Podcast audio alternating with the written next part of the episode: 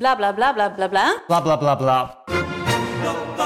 Idealen zijn prachtig, maar woorden verliezen betekenis als je niks doet. Dus laten we met z'n allen wat minder praten en meer doen. Bij Agmea zijn wij vast begonnen. Zo gaan wij voor minder verkeersslachtoffers, gezonde werknemers en duurzame woningen. Waar ga jij voor? Kijk op www.werkenbijagmea.nl Hoi luisteraar, wij zijn Hugo, Max en Leon van de Grote Podcastlas. Wij zijn drie geografen en elke week behandelen wij een ander land. We bespreken onder andere de geschiedenis, politiek, natuur, maar ook de sport, de muziek en natuurlijk het eten. De nijlpaarden van Pablo Escobar, de vele bunkers van Albanië en het verschil tussen een sheik en een emir zijn zomaar wat voorbeelden die langskomen. Maar we bespreken ook de geopolitieke invloed van China in Afrika en de impact van het Europese kolonialisme. Luister dus wekelijks naar de audioversie van de Atlas, de Grote Podcastlas.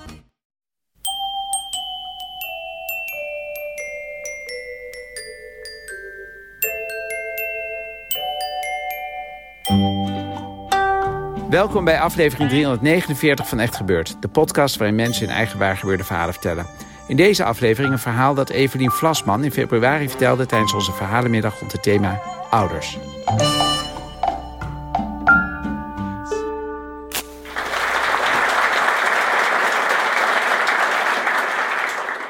Ja, het was een zondagmiddag en eh, ik zat met mijn ouders en mijn broertje en mijn beste vriendin aan tafel. Mijn beste vriendin die was echt kind aan huis bij ons, dus die was er heel vaak. En mijn vader die begon heel enthousiast te vertellen. Had een vacature voorbij zien komen en uh, ja, daar wilde hij echt op gaan reageren. Die vacature die was volgens hem echt op zijn lijf geschreven.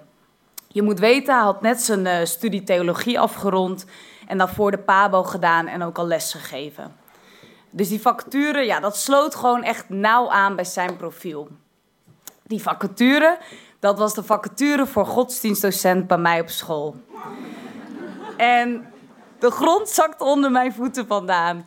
Uh, want je moet weten, ik was op dat moment uh, 14 jaar en ik was uh, heel ja, ik was heel rebels, populair, vervelend, alles gewoon. En ik zat op een keurige school, het christelijk gymnasium. En daar was ik, nou ja, geliefd, maar vooral gevreesd.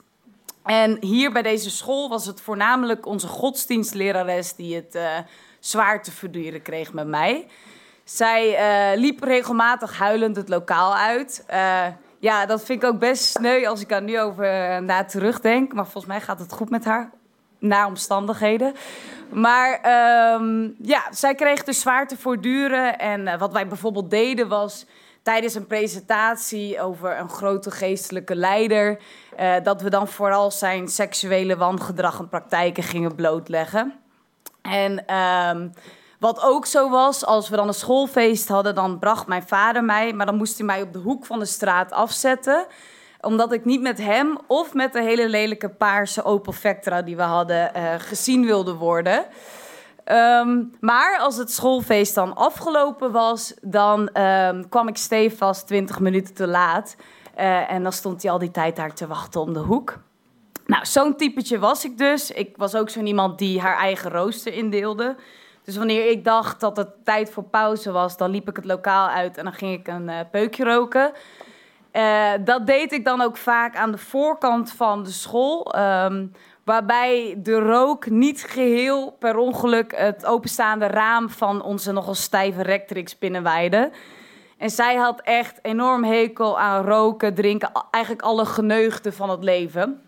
Dus ik vond het dan heel grappig dat dat, uh, dat, dat bij haar binnenkwam. Superleuk. Dus de docenten die wisten gewoon echt niet wat, ze met me aan moesten. En uh, ik werd ook vaak al voor het begin van de les gewoon eruit gezet.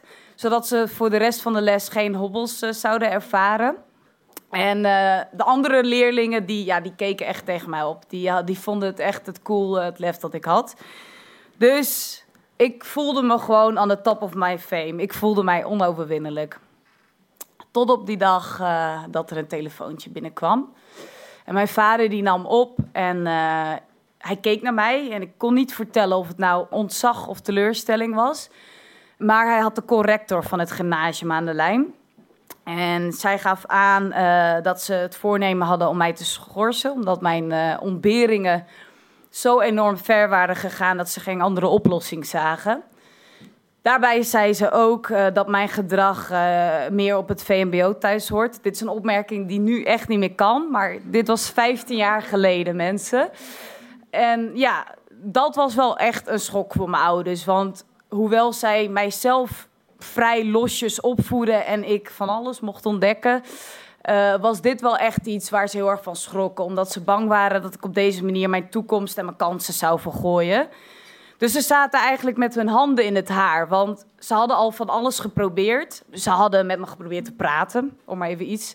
Uh, wat ze ook hadden geprobeerd is mij uh, niet toestaan om op zaterdagavond uit te gaan. Ze hadden mijn peuk alles weggegooid, echt een rotstreek. Maar niks hielp. Ik bleef gewoon zo. En ze, wisten gewoon niet meer wat mij tot inkeer zou doen komen. Totdat die vacature dus vrij kwam. want ja, wat is nou het ergste wat je een tegendraadse puber in het toppunt van haar populariteit kan aandoen? Dat jij als vader godsdienstles bij haar op school komt geven.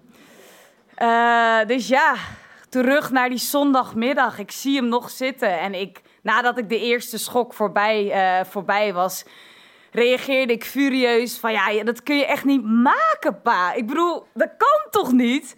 En mijn beste vriendin die was er ook bij. Die knikte naarstig mee. Zij was zelf trouwens ook net van school gestuurd en in zo'n verplicht leertraject gestopt. Maar ja, wij hadden beide zoiets. Alles beter dan dat je vader de onpopulaire godsdienstles komt geven. Uh, goed, dus ik deed van alles. Ik probeerde hem om te kopen. Ik heb hem zelfs 25 euro aangeboden. Met de vraag of hij alsjeblieft niet door zou willen gaan met, uh, met dit. Uh, en dat was veel geld hè, in die tijd. Daar stond ik een hele zaterdag voor bij de lokale bakkerij. Dus dat was iets. Uh, maar goed, zijn antwoord luidde, ja, kalm doch ferm, uh, dat als ik me vanaf nu een stuk beter zou gaan gedragen en dus voor zou zorgen dat de godsdienstlerares niet op zou stappen, dan uh, zou die het heroverwegen. Dus ja, toen gingen er een aantal dagen van koude oorlog overheen, waarbij ik s'avonds in mijn bed zat na te denken hoe het zou zijn hoe het zou zijn als mijn vader dus bij ons voor de klas godsdienstles zou komen geven. En de vernedering en de grappen die ik dan van mijn klasgenoten zou moeten doorstaan. En uh, ja, ik bedacht me eigenlijk toch al heel snel dat er uh, maar één ding op zat. En uit pure wanhoop dat mijn vader dus bij ons les zou komen geven en mijn reputatie volledig naar de Filistijnen zou helpen uh, heb ik me vanaf dat moment een stuk netter, niet als een engel, maar wel een stuk netter gedragen. En het deed mij ook inzien dat, ook al lijk je als puber totaal immuun voor straf en voel je onoverwinnelijk, dan is er altijd nog je goede oude vader die jou als geen ander zo goed kent en die precies weet waar je zwakke Achilleshiel zit. En een flash forward naar vandaag de dag. Momenteel zijn we beide docent op de Vrije Universiteit. En hij hoeft me niet langer meer op de hoek van de straat af te zetten, maar we rijden nu samen. En ik vind het heel erg leuk om hem tegen te komen en samen koffie te drinken. Dankjewel.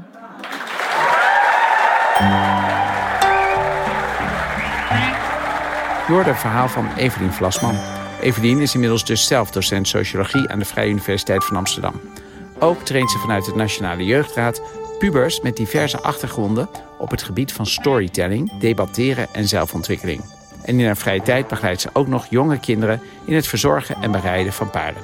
Evelien hoopt zelf dat haar eigen jeugdzonders maken dat ze zich nu goed kan verplaatsen in de jongeren die ze begeleidt. Dit was aflevering 349 van Echt Gebeurd. Redactie Paulien Cornelissen, Bijke Aarts, Maarten Westveen, Renette Kwakkenbos, Tom van Rooyen en mijzelf, Micha Bertijn. Productie Hanna Ebbingen, zaaltechniek Florian Jankowski, podcast Gijsbert van der Wal. Tot volgende week. En voor die luisteraars die thuis een onhandelbare puber hebben... je kan altijd nog dreigen om godsdienstleraar te worden bij haar op school.